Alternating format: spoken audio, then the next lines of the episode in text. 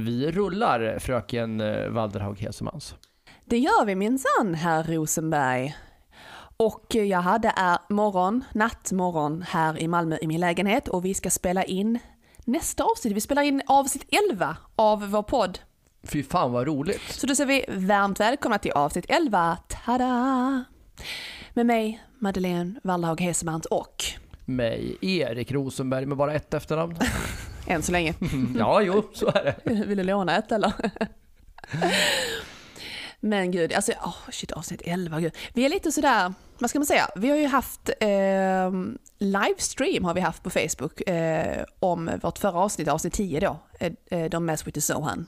Ja, det kan vi väl avslöja. Det, kan vi, alltså det blir lite så här eh, meta att vi spelar in det här, alltså i samma produktionssätt som vi, som vi spelade in det förra avsnittet och den livestreamen. Mm, så det är ingen hemlighet och hemligheten är att vi sover typ inte när vi ses. det kan man väl avslöja, annars hade vi inte hunnit med saker men det är väldigt roligt och eh, väldigt trevligt att sitta här på morgonkvisten, se solen börja stiga upp snart och spela in det här. Mm.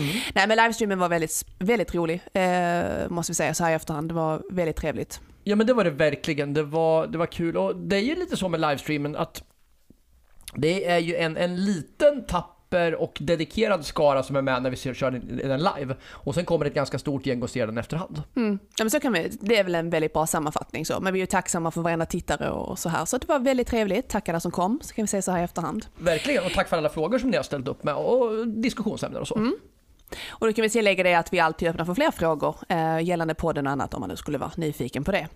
Men ja, men vad är det här? Om det är någon som bara hoppar in i den här podden och bara tänker vad fasen är det här för något? Sitter de bara och snackar? Då kan vi, du kan väl pitcha, vad, vad är vi för podd egentligen? Förklara oss. Ja, men vi är en nördpodd om humor inom film, serier, tv, scen, radio. Eh, vi analyserar saker som vi tycker är roliga, gör nedslag i humorhistorien helt enkelt. Vi är inga experter på något sätt, eh, utan vi är två två nördar som råkar tycka om samma saker och råkar tycka om varandra dessutom.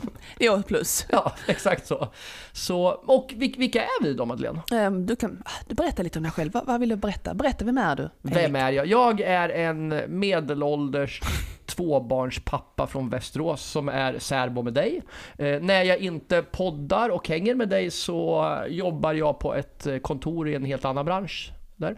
Jag har gjort poddar i uh, ungefär åtta år.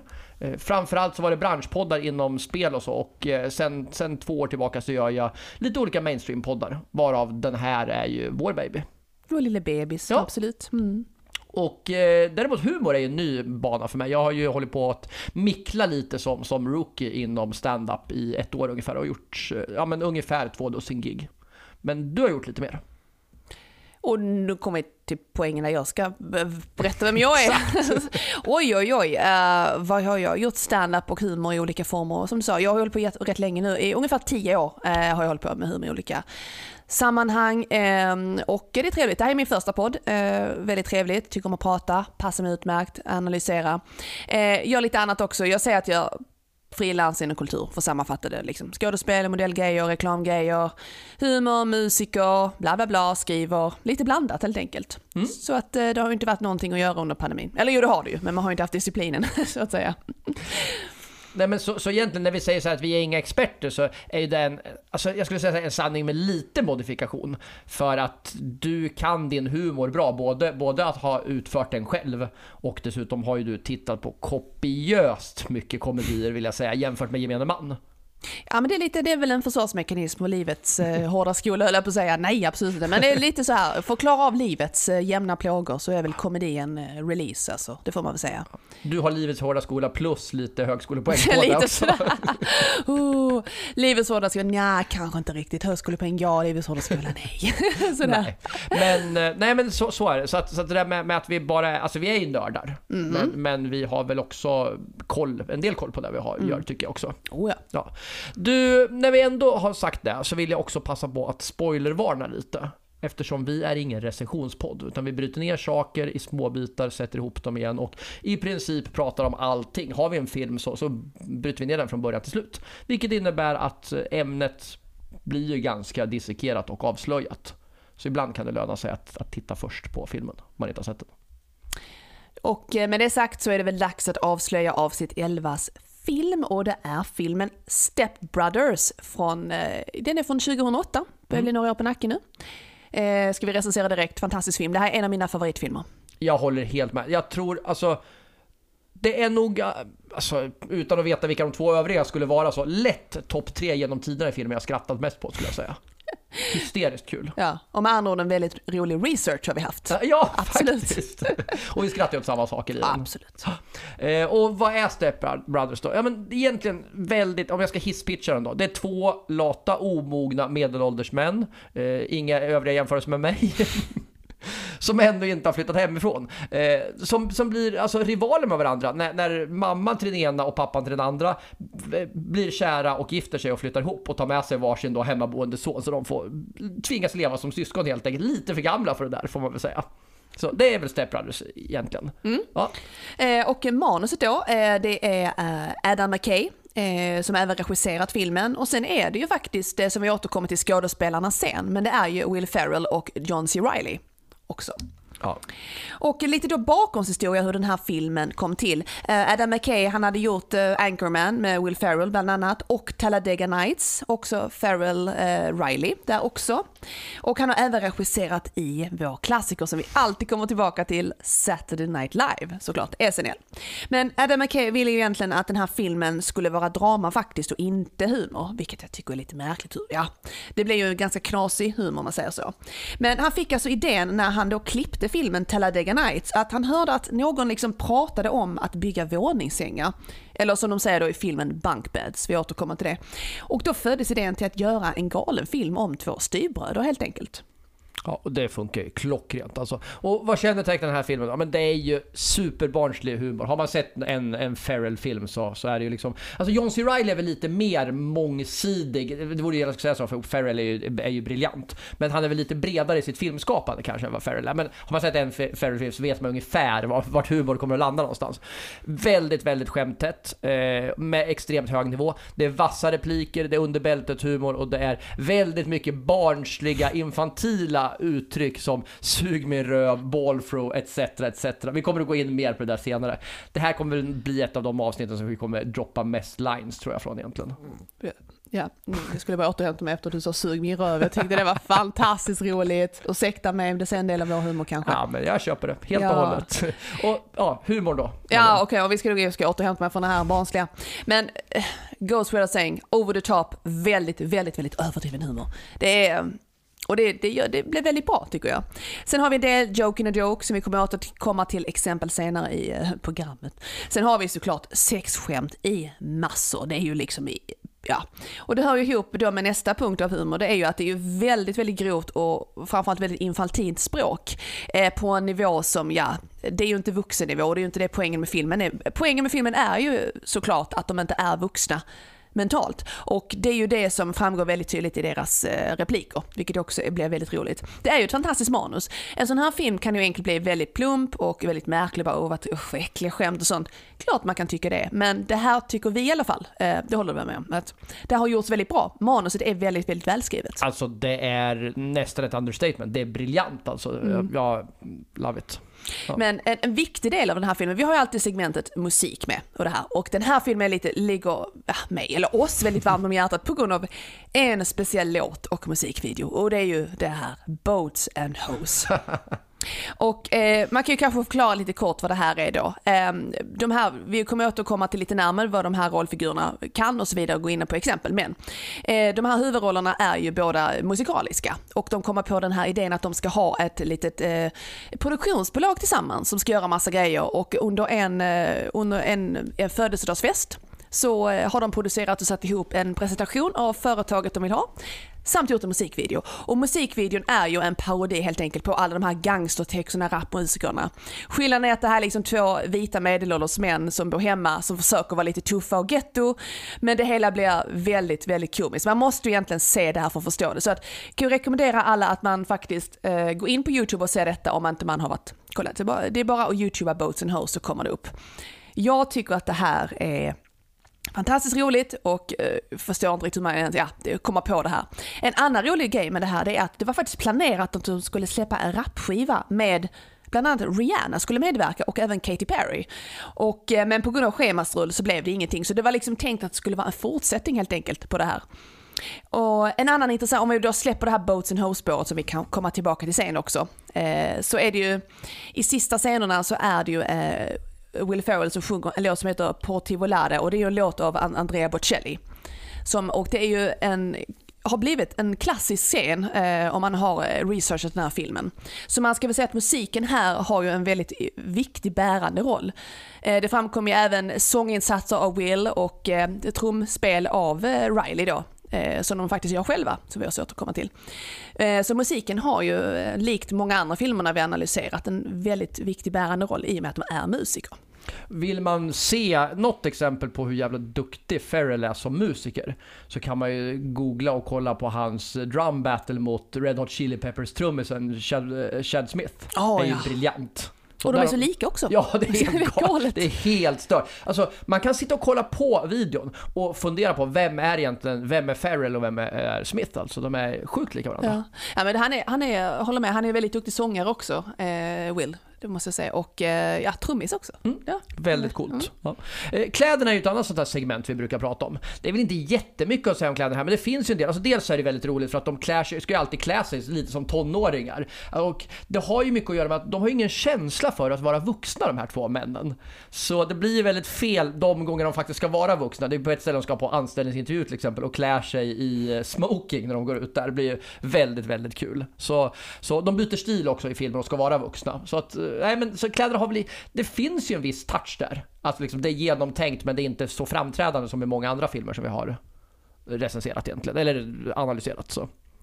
Eh, kopplingen till våra tidigare avsnitt då. Ett av mina favoritsegment. Alltså det första är ju såklart Will Ferrell. Och vi måste återigen, vi, alltså vi kan inte nämna SNL tillräckligt många gånger, Saturday Night Live, som är någon sorts nav i den här podden. Det har blivit så faktiskt. Ja. Så är det. Eh, För att vi har ju gjort Night at Roxbury, där Ferrell också är med. Eh, Richard Jenkins som spelar, eh, nu ska vi se så jag säger rätt här, så han spelar Rileys pappa, jag måste hålla koll på vem som hör ihop med vem här. Gör ju en okrediterad roll som psykolog i den där Mary. Så, så där har vi en koppling till. Judd Apatow har producerat, har producerat andra filmer som vi har recenserat. Eh, de sjunger i texten, är det från Boats and Hose? ja, men det Där, stämmer. ja. Ja. Då sjunger, ja. Och där sjunger de raden Eh, Det är alltså eh, John C. Reilly som säger mot slutet då, oh, Mail Mariah Carey Joel, alltså ska vara lite cool sådär. Eh, Och, eh, och så i sån så är ju Mariah Carey med. Exakt, Ja. som vi gjorde då i förra avsnittet. Så Exakt. väldigt kul då. Ja. Mhm. Eh, skådespelarna då Madeleine? Vi börjar beta av dem från Ja, början men- till slut tänker jag. Ja men vi kör. Mm. Eh, Med Will Ferrell eh, behövs ingen närmare presentation. Vi vet vem han är. Han är typ bäst i världen skulle jag säga på det han gör. Alltså jag näst, tycker Ja. nästan det egentligen. När det gäller komisk skådespeleri så är han... men han, han är en väldigt, förutom att han har en väldigt bra komisk timing så är han en väldigt bra skådespelare måste jag säga. Han är väldigt naturlig i sitt sätt oavsett vilka roller han tar på sig tycker jag. Instämmer helt och hållet. Och här blir han ju verkligen fantastiskt jäkla bra matchad av en, alltså, av en skådespelare som jag tycker håller samma tyngd alltså. För John C. Reilly är väl jag vill påstå att kanske en av världens mest underskattade skådespelare just i, i den här segmentet. Han får ju ofta spela biroller, väldigt sällan egna, alltså huvudroller. Eh, han spelar Dale Bo- eh, Doback, den andra brorsan då här då. Så. Duktig på både komedi och drama och eh, ja men som sagt var en birollspecialist. Började redan i Gilbert Grape, den gamla Leonardo DiCaprio-filmen med Johnny Depp också. Eh, han har gjort Magnolia, seriös roll där, eller seriös, alltid seriös men allvarlig roll då. Också en duktig musiker som du sa. Teater och musikalskådis faktiskt. Eh, Oscars-nominerad för filmen Chicago, den har inte jag sett. Fantastisk film, jag skulle verkligen rekommendera verkligen att se den. Och han gör en väldigt bra insats där, så väldigt värd nomineringen. Mm, kan tänka mig det. Även fyra Golden Globe-nomineringar, så det är ju nästan så att Nästan lite synd, eller nästan lite synd, det är synd att han inte har fått någon för som sagt var extremt jäkla bra skådis. Mm. Och sen har vi då eh, Wills mamma då, eh, spelas av eh, Mary Steenburgen och eh, hon är med i eh, Tillbaka till framtiden, trean, sista filmen, mina favoritfilmer. Eh, hon fick en Oscar och Golden Globe, hon har för bästa kvinnliga biroll i Melvin och Howard. Hon upptäcktes av självaste Jack Nicholson. Det är inte så illa pinkat det där. Nej, riktigt coolt faktiskt. Ja, hon har även spelat med, med Pharrell i Elf. Då spelar hon också hans mamma. Eh, Med styvmamma har jag för mig att det var där, Okej. till exempel. Ja. Eh, och eh, hon har faktiskt lärt sig skriva musik efter en narkos. Det är ju otroligt fascinerande faktiskt. Jag vet inte hur vanligt det här är. Och man, be, ja, tänk om man, man kanske skulle lära sig skriva bättre musik Ja. om man fick en narkos. Eh, hon har varit gift med Malcolm McDowell och Ja. eh, är gift nu med Ted Danson. Eh, hon är aktiv demokrat som har kampanjerat för, kampanjerat, vad är det för fasen för ord? Kampanjat heter det. Nej, men kampanjera tycker jag det är snyggt. Kampanjerat. Ja, nu är det ett ord. Nu är det ett ord. Ja. Hon har kampanjat med Hillary Clinton. Coolt. Ja.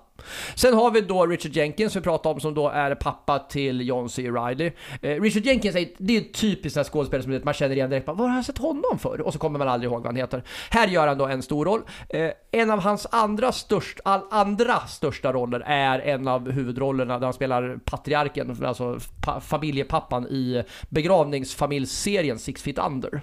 Eh, och som sagt var han var även med i den där Mary.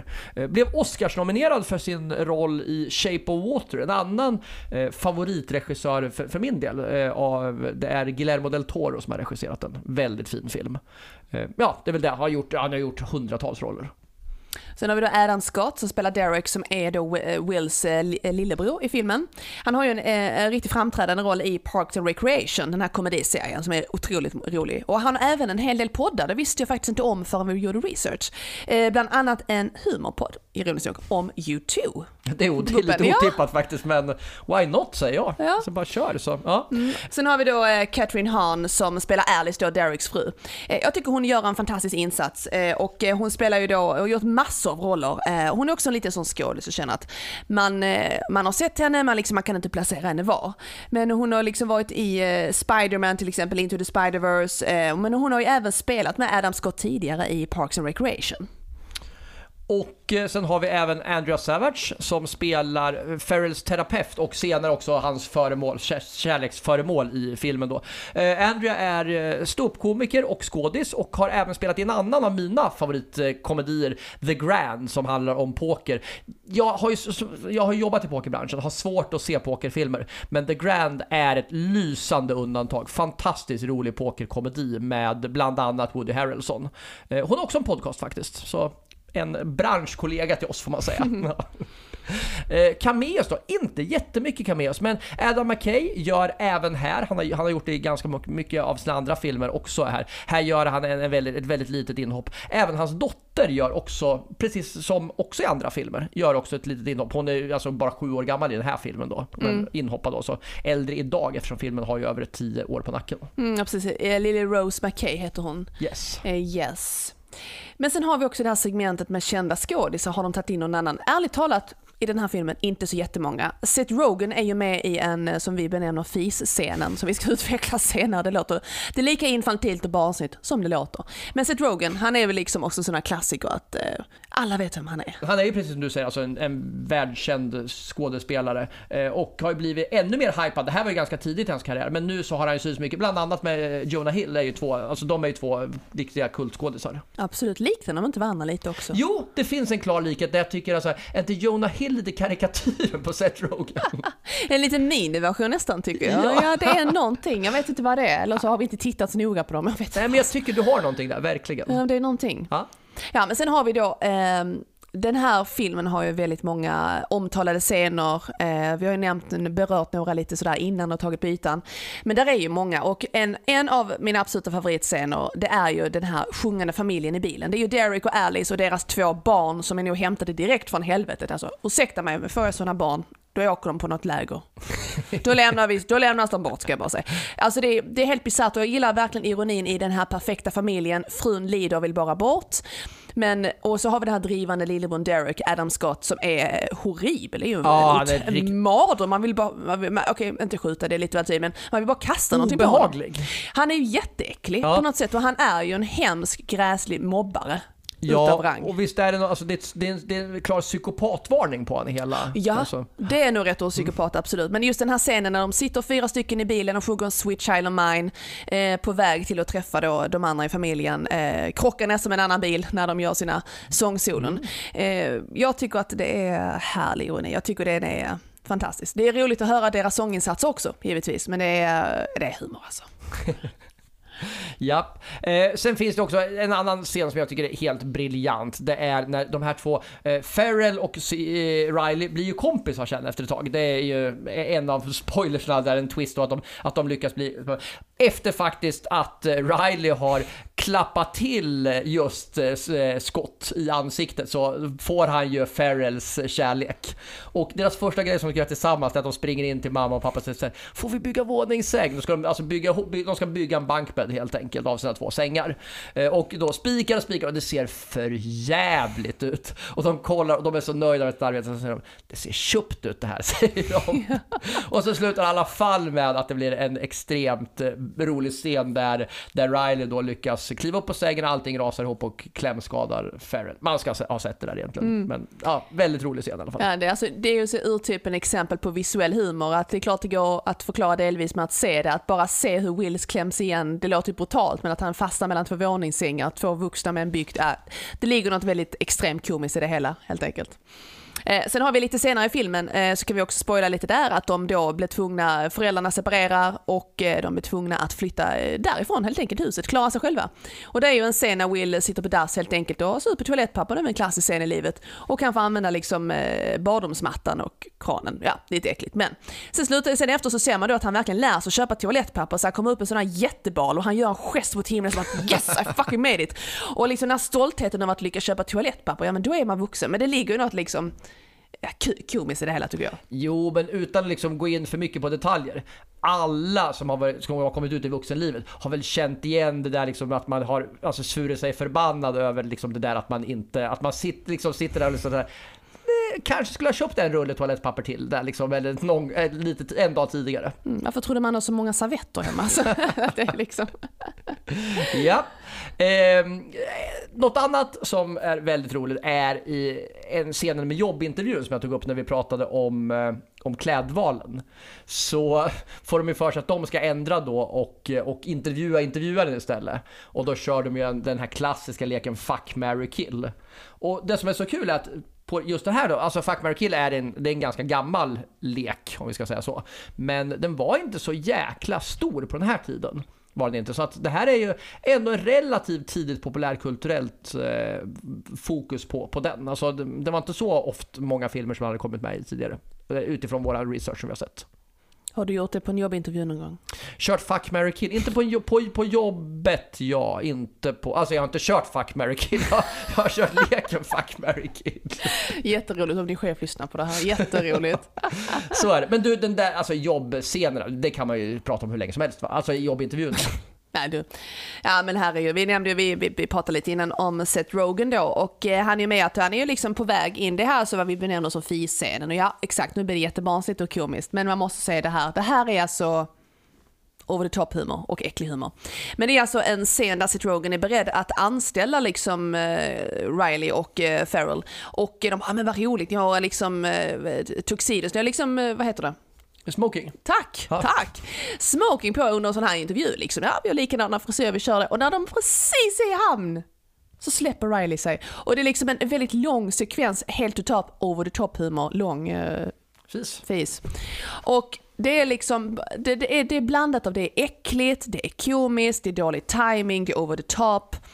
Ja, visuell är det ju inte, man ser ju inte det riktigt. Men det är, och just reaktionerna både på Farrell och eh, Seth Rogen är ju fantastiska minspelet där. Och sen i en scen efteråt så frågar mamman, du, du, du kunde inte hålla dig alltså? Han bara, nej, jag trodde inte det skulle höras. Och Will bara, jo. Och det är liksom, det är alltså, det är baserat på att liksom, skulle något sånt hända på en riktig intervju, för det första skulle man ju bara antagligen hållit inne, men för det andra, hade det hänt, alltså, alltså det är så bisarr, absurd situation egentligen, man bara gör inte så liksom. Jätte, jätteroligt. Ja, men det, det, har att göra med att de är ju mentalt inte vuxna och då tycker de att det är klart att de fattar att det är okej, okay, men nej, det, de har inte den spärren bokstavligt talat, så att säga.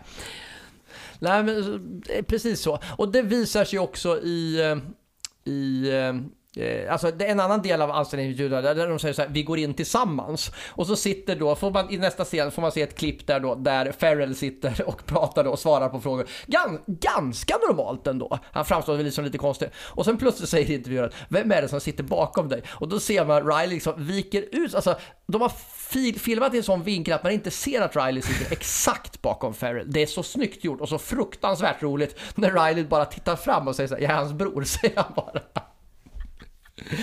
väldigt, väldigt roligt. Um, och när vi pratar om Riley i alla fall så finns det, alltså i en av de första scenerna där de har träffats så är det middag första kvällen. Och mamman till eh, Ferrell sitter och skryter och säger att eh, Brennan är väldigt duktig på att sjunga och pratar och skryter och så här. Och Riley blir bara tröttare och tröttare på det där, alltså att det är sånt jävla tjat om att, att han ska vara så bra på att sjunga. Så han börjar sjunga då, det är bara det att han, han sjunger om så här, vilken hårig pung han har, det är det som fokus stannar på.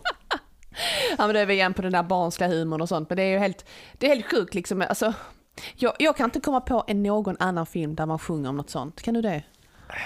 Nej, det skulle vara... Schindler's list. Eh, nej, jag tänker... Jag tänker närmast på Per Anderssons Kuk i hatt va? Åh, oh, där har vi det. Kanske finns en liten koppling där. Eh, alltså jag menar inspirationsmässigt, inget annat. Det där var ju landet lite konstigt men ja. Eh, sen har vi en scen i början. Det visade sig då att Derek har då mobbat sin äldrebror eh, Farrell då ganska länge sedan barn. Och det är en scen i början med en tillbakablick där de gick i skolan och var med i en talangtävling då. Och när eh, Will då har sitt framträdande så mobbar ju då Derek och hans, eh, ja vad ska man kalla hans så kallade vänner eller så. Grabbgänget. Grabbgänget, tuffa gänget. Eh, och börjar skrika att, eh, att han har mangina.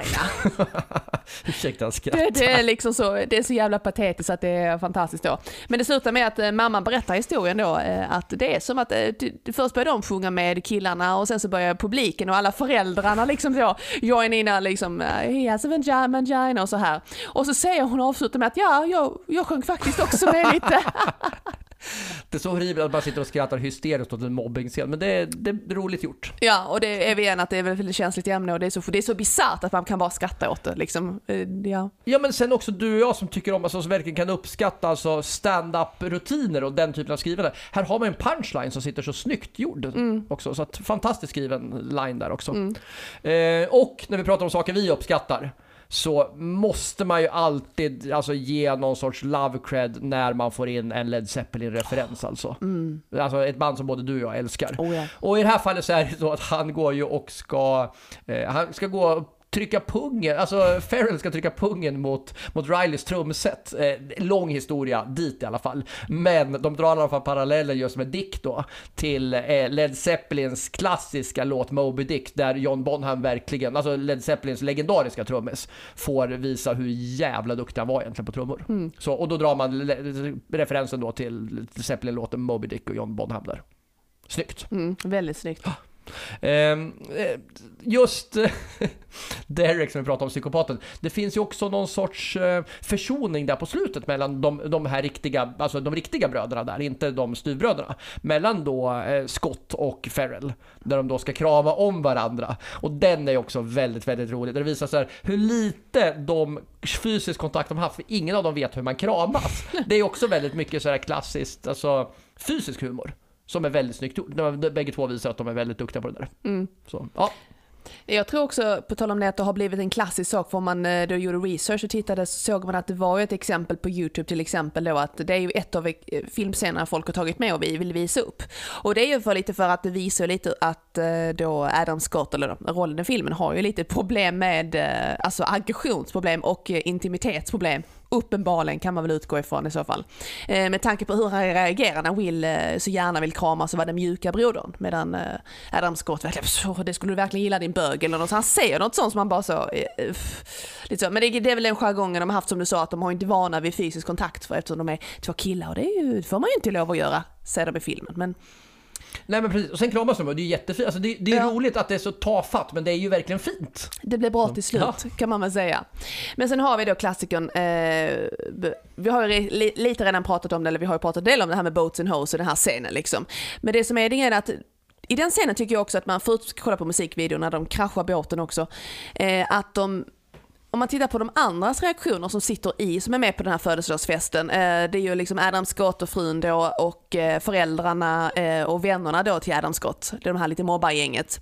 Och ser reaktionerna, hur olika de reagerar och sånt. Och det är lite, för att använda lite ungdomligt uttryck, lite cringe när de visar worldwide prestige. Väldigt, väldigt, de vill väl, de vill presentera någonting, men det blir lite så här att åh, skämskudde, det är lite pinsamt. Och det, ja. Och hysteriskt roligt. Väldigt, väldigt, väldigt roligt. Och som sagt musikvideon måste kollas på, helt enkelt.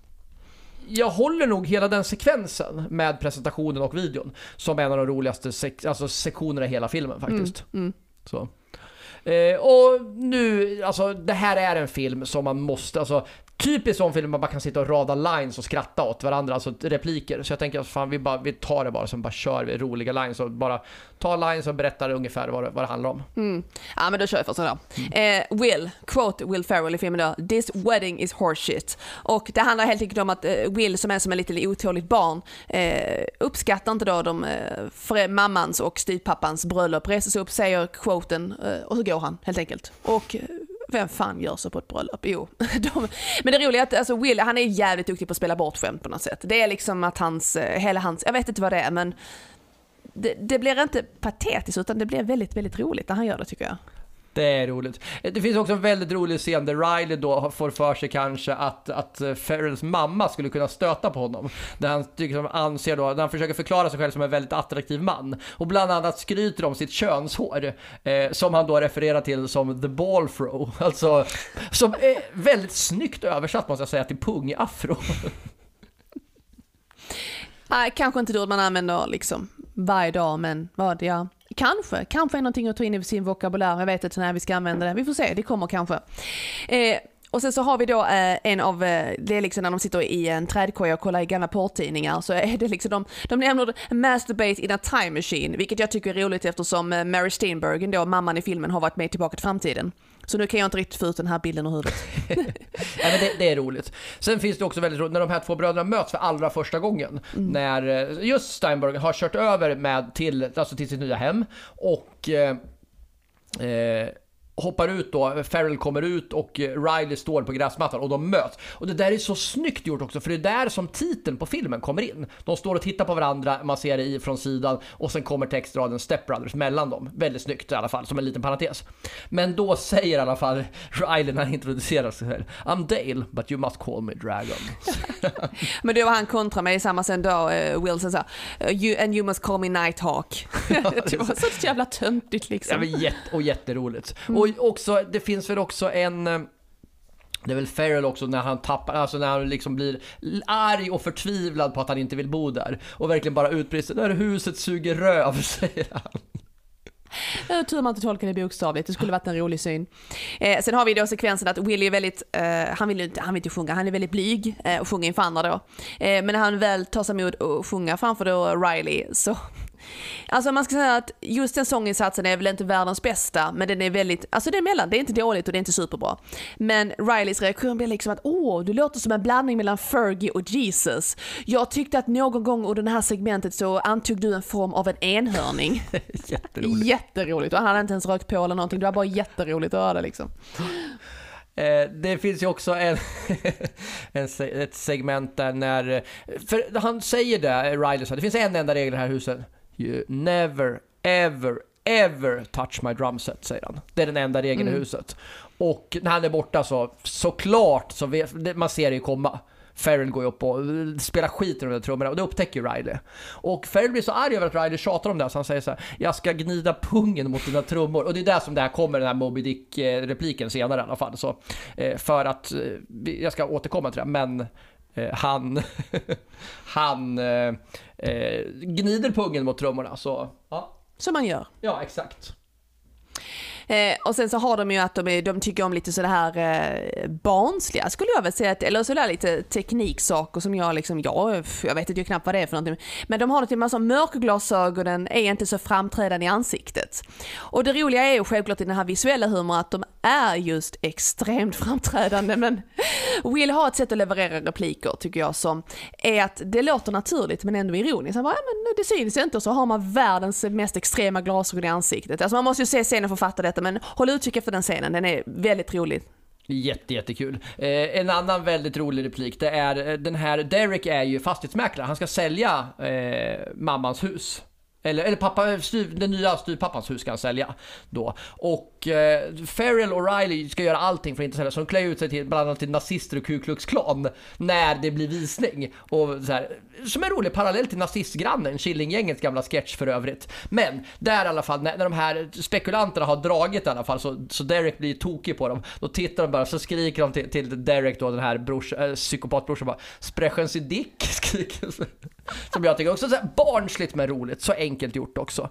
Eh, och eh, det finns även en annan, eh, om jag ska nu få runda av det här med, med replikerna, så finns det också en scen där, eh, där Ferrell har ju börjat jobba för brorsan.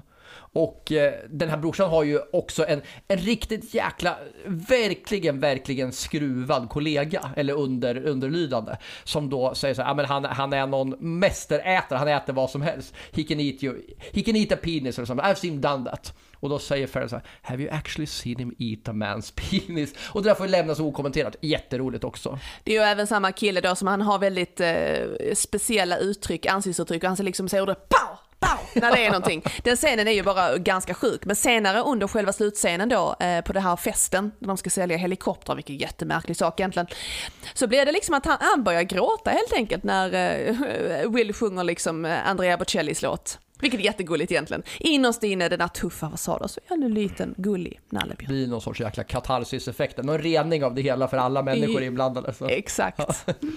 eh, om vi ska dra lite info här då, som vi tycker är allmän nördinfo och så, yes. så är det alltså Farrell och Riley gjorde, alltså gjort åtta filmer ihop. Det är mm. så sjukt imponerande. Och de är ju fan bra allihop. Mm. Och det här är nummer två. Jag tror väl, om jag inte minns fel, Talladega Nights är väl det första de gjorde tillsammans. Ja, det låter logiskt. Ja. Ja.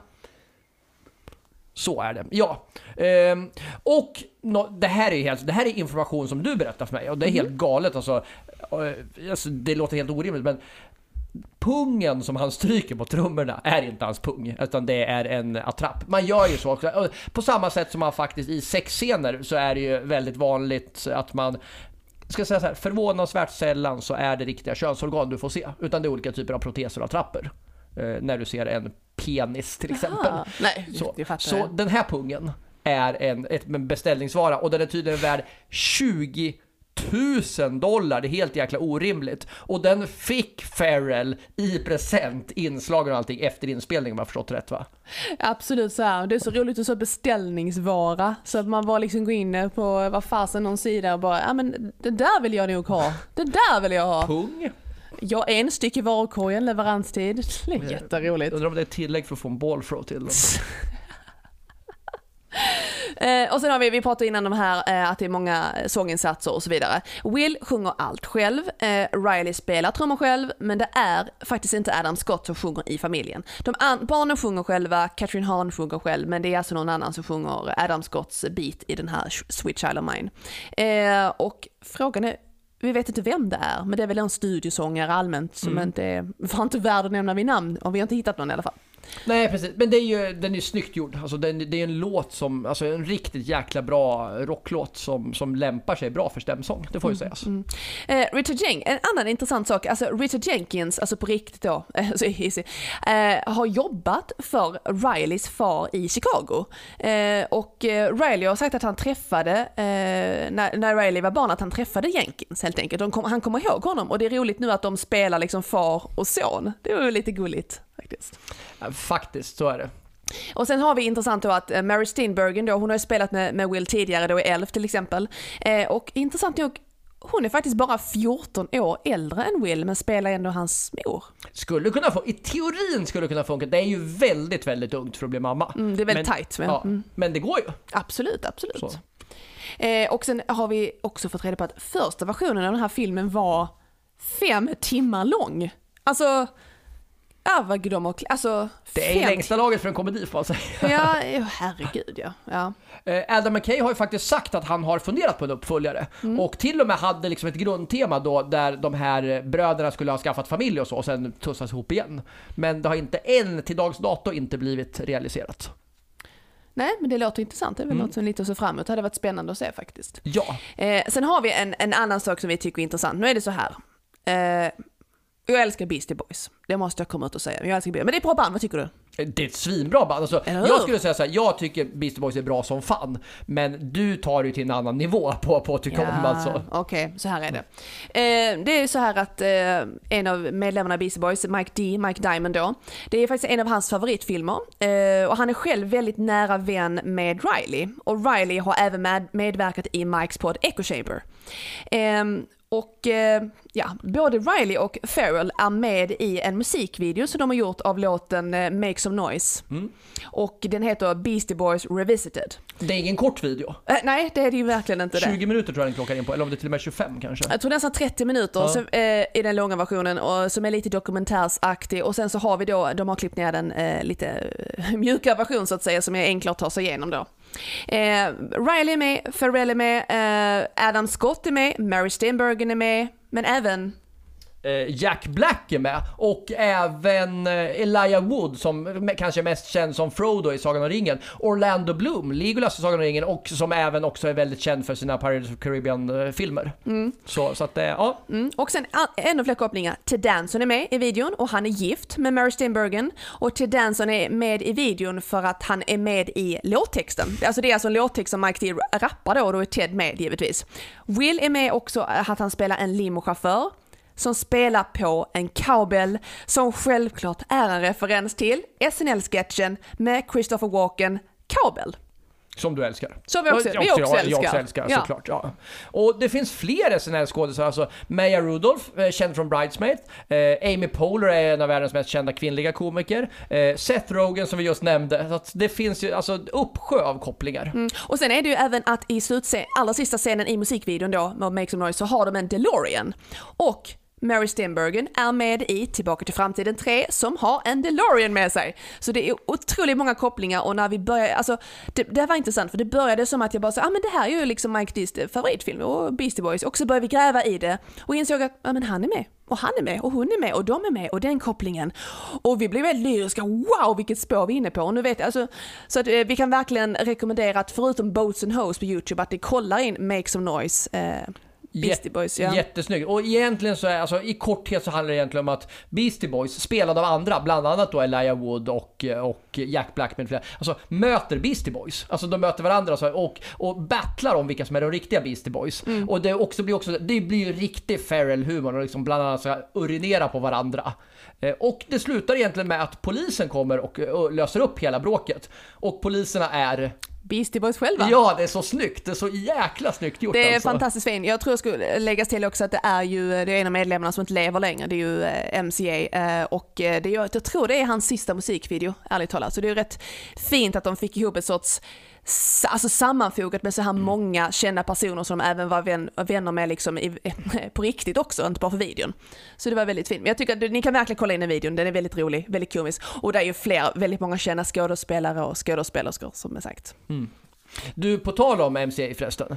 Det är väl få, tänker jag, så nu är det nästan tio år sedan han gick bort. Men det är väl få alltså, musiker som har fått sådana hyllningar och sån kärlek av, sin, alltså, av branschen som när han gick bort. Alltså, det visar hur stora Beastie Boys är verkligen. Mm, och, eh, och beroende på att han hade så otroligt varmt hjärta, MCA, och kämpade liksom för, eh, ja, för olika mänskliga rättigheter helt enkelt och stod upp eh, för de svaga i samhället, vilket var väldigt fint. Och sen är det ju en grupp som man kan säga att, nu är det lite derail på det här, men det är ju en grupp med så många genrer i musiken, från punk till hiphop till rock och allt möjligt. Duktiga musiker, låtskrivare, manusförfattare, de, de gjorde sina egna musikvideo, MCA regisserade och gjorde allting. Så att de har ju, de är ju väldigt mångsidiga och eh, på det sättet också otroligt kreativa. Och det, det som jag gillar med Beastie Boys också från min sida, det är så här att det är alltså ett band som har sån jäkla cred, alltså som får anses vara kanske ett av de coolaste banden. Oavsett vilken genre man tycker om, alla gillar Beastie Boys. Och verkligen, det finns ingen som kan säga att liksom, det här är liksom, och ändå så är de, har de liksom ingen attityd. Utan det är verkligen så här, de är så jäkla genuina känns det som. De är väldigt, väldigt alltså, chill. De, de slutar, jag ska tillägga så här att de, de slutade givetvis, när MC gick bort så, slut, så slutade de som man givetvis, för det var ju inte de längre. Men eh, Mike har ju till exempel en podd och, eh, ska vi se, nu står det helt stilla, eh, och eh, Horowitz eh, gör ju eh, grejer med sin fru bland annat. Okej. Ja. Som är sångerska i Bikini Kill, rockbandet. Just ja, eh, Kathleen Hanna. Exakt. Såklart, just Yes. ja. Nu när du säger det så där gick det upp väldigt Ja, ljus. jag liksom så, här, ja. Eh, så de är fortfarande aktiva på varsitt håll och gör saker. De har även gjort, de hade en show de hade eh, bland annat i London, eh, The Beastie Boys Story, där de berättar liksom. Och det finns även eh, som dokumentär om själva, om deras liv i Beastie Boys helt enkelt. Väldigt kan jag verkligen rekommendera också, man ska rekommendera saker. Det gör vi vanligtvis inte, men Beastie Boys Story. Coolt. verkligen- Ja. men jag tycker det är verkligen på sin plats att rekommendera här. och det, är väldigt, eh, det passar väldigt bra liksom att eh, avrunda på det sättet, just det segmentet. Men då kommer vi vidare då till, hur har den här humorn åldrats? Vad skulle du säga? Ja, men alltså jag tycker det är, alltså Ibland kan vi säga så här, men det finns det här har inte åldrats väl, eller det här har åldrats väl, men här får jag faktiskt säga att det, kanske första gången, möjligen vid sidan av Fawlty Towers, som jag säger att det är intakt. Det har inte förändrats ett jäkla spår på de 13 åren så, sedan filmen gjordes. Alltså jag tycker att det här är, det håller exakt lika bra idag. Ja, men jag är liksom benägen att hålla med. Liksom. Snuskhumor håller väl alltid, om man tycker om det. Liksom. Eh, och som du sa, gillar man det då så gillar man det nu. Var det väl du sa? Quote day. Ja. ja. Ja men så är det väl, tänker jag. Mm. Ja men det skulle väl vara lite så här att det är väl några lite låga under bältet eh, gayhumor eh, skämt kanske som inte man tycker det är lite så. Men det är ju grejen att de tar upp den här fördomen med att eh, ja, lite tuffa killar som är lite rädda för sin, att hålla värna om sin manlighet och oj oh, gud vad hemskt krama en man. Uh, så här som är egentligen fullt normalt men eh, lite, Ja, men jag tänker att det hade gjorts på exakt samma sätt idag. Jo, ja. Och det finns jag. liksom inga, inga, mig, alltså några, någon lyssnare får gärna rätta mig om jag har fel här. Men jag känner inte att det finns några så här metoo-grejer som skulle ha förändrats på grund av metoo i, i humor eller så. Utan ja, men den är snyggt gjord och, och gjord med, eh, trots sin, sin barnslighet, eller kanske till och med på grund av det, med finess också. Will Ferrell vet vad han sysslar med. Och de andra också såklart. Mm. Absolut, nej, men det skulle jag säga. Eh, men på tal om metoo, så det är ju inte, vi tänkte på det, vi brukar alltid prata om att ifall det finns sexscener eller inte. Där är ju någon scen där eh, Alice då, eller Dereks fru då, Adam Scotts fru i filmen. Eh, hon är ju väldigt intresserad av Dale Riley och eh, den här scenen när hon eh, tagit sig på herrtoaletten och överraskar Riley och de har sex där. Och det är så himla roligt för att hon, på något sätt blir det så att hon verkligen tar för sig. Det är inget konstigt med det och det är inget fel med det. Men det blir så roligt för hon är så kallat, nu ska vi se, lite grabbig så här. Och sen så slutar med att hon liksom pissar i en, vad är det för något, i pissoaren där. Ja, precis. I en urinarie. Ja, urinoar, ja. så är det. Så ofta jag på här toaletten ja. Ja, same, same. Men jag tänker så här, pissoar för mig är de långa, urinarer kanske är de mer, mindre, men jag vet inte, jag bara gissar. Nej, jag får googla. Eh, men det, på något sätt är det väldigt roligt, hon bara hissar upp kjolen och pressar sig mot väggen och kissar där. Det, så, det blir väldigt så här att hon, och sen så är det att hon även sänker rösten och gör så lite, lite med så här mörkare röst och så säger hon någonting som låter grabbigt. Det, det, det, kontrasten där, jag tycker hennes roll där är väldigt häftig också, men det blir en liten kontrast där eh, på det sättet. Du har ju, och det, förutom det så finns det väl ingenting som kan tänka på det här med könsroller eller... Men jag tänker, den scenen när hon, när hon går in och har sex med honom Mm. hade ju nog inte funkat om det hade varit tvärtom. Om det hade varit en man som kom in och hade gjort så på en kvinna. Nej, nej men lite poängen också att jag håller med, alltså det hade ju inte alls gått på det sättet. Eller om det hade varit eh, Adam Scott som hade flörtat med någon annans fru eller någonting. På något sätt så känns det, ja vad ska man säga? Det, det blir lite om, alltså det, det hade, fun- hade inte funkat. Nej. Och, och det är fine, jag tycker att det, det är okej att det är så. Det är liksom, jag lägger ingen, ingen kritik i det, utan, utan det, det är snyggt gjort helt enkelt. Man, man vet vad man sysslar med. Mm. Så. så är det. Och med det sagt så tycker jag, om inte du har något mer att tillägga så kan vi väl runda av som vi brukar göra. Med lite sociala medier, lite påminnelse om var vi finns Ja någonstans. men exakt så. Mm. Var, vart finns vi? Var finns vi någonstans? Vi finns ju på Insta, eh, på eh, Fy fan vad roligt-sidan. Eh, vi finns på Twitter under våra vanliga namn, riktiga namn, riktiga namn. Eh, Facebook, vi har en Facebook-sida och en Facebook-grupp som heter Fy fan vad roligt diskussionsrummet. Eh, sen har vi även Clubhouse, det kan du utveckla lite. Ja men Clubhouse är ju ett, eh, det, det blev ju jättehypat nu i vintras, har väl mattats något. Vi får se vart det landar någonstans och om det kommer att överleva. Jag tycker man har slarvat bort, alltså inte, inte vi då, utan Clubhouse har slarvat bort sitt momentum. Men det är egentligen ett forum för röstdiskussioner, någon sorts interaktiv radio där alla får vara med och diskutera. Vi har diskussionsrum då och då, eh, ungefär kanske tre, fyra gånger i månaden skulle jag väl säga. Dyker vi upp där. Och eh, vi har invites om man vill vara med och lyssna. Det har tidigare bara funnits på iPhone. Nu har vi fått, eh, blivit informerade om att det även finns på, till Android. Så vill ni vara med på Clubhouse men inte har någon, någon Clubhouse invite så skicka ett, ett DM till vår, vårt Instagram-konto eller till vårt Facebook-konto så, med ert telefonnummer mobilnummer. Så skickar vi en tillbaka så långt som lagret räcker som det så fint heter. Ja. Vi sitter på ett gäng fortfarande. Yes. Och du kan förklara vad patte är också för något? Ja, patte. Det är inte, inte pattar i det här fallet utan det är Patreon som är vår gräsrotsfinansiering. Eh, vi gör den här podden ideellt vid sidan av våra vanliga eh, förvärv. Eh, som, som en hobby än så länge. Eller än så länge, det är det vi gör. Men med det sagt så får man jättegärna stötta oss finansiellt för att ibland kostar det saker. Det kan behövas köpas lite utrustning eller göras någon resa i research-sammanhang eller så. Så man gör det genom att gå in på patreon.com fy fan vad roligt och sen så blir man månadsgivare. Man får ge så mycket eller lite man vill. Men som tack för det så får man lite bonusmaterial när vi känner att vi har någonting att bjuda på. Mm, bilder, filmer, behind the scenes Ja, och så en bonuspodd, kortare bonuspodd Oh här och där. Så, Mm, så det är väl där som man får då. Så det är inte så att man betalar, jag, jag vill säga så här, man betalar inte för bonusmaterialet utan man, man stödjer oss, alltså för det vi gör. Eh, och som tack för det så ger vi en liten gåva. Det är väl ungefär så, tycker jag. Mm, det låter bättre också. Ja. Precis. Absolut. Men med det sagt, då tycker jag vi känner att vi har eh, ja, klarat oss för idag faktiskt. Fridens liljor, kära vänner. Varför säger man så? Fridens liljor. Ja, Jag vet, det kändes fint bara så här. det är väldigt Mm. vackert. Ja. Det är väldigt vackert. Ta hand om varandra och se filmen Step Brothers igen om ni inte sett den innan. Verkligen. Kan Mm. aldrig ses för många gånger. Alltså, vi, vi har ju sagt hej då, men jag måste bara säga så här. Alltså, vi har ju sett Step Brothers nu två gånger på några dagar bara. Och den är ju precis lika rolig andra, alltså precis lika rolig andra gången. Det, det är ju inte ofta det händer, att man skrattar lika hysteriskt andra gången man ser en film bara så här jättekort efter. Nej, det är skratt hela tiden. Jag håller Ja. med, helt enig. Så se den igen och tack alla för att ni har lyssnat. Tack snälla. Ja, puss puss. Hej. Hej.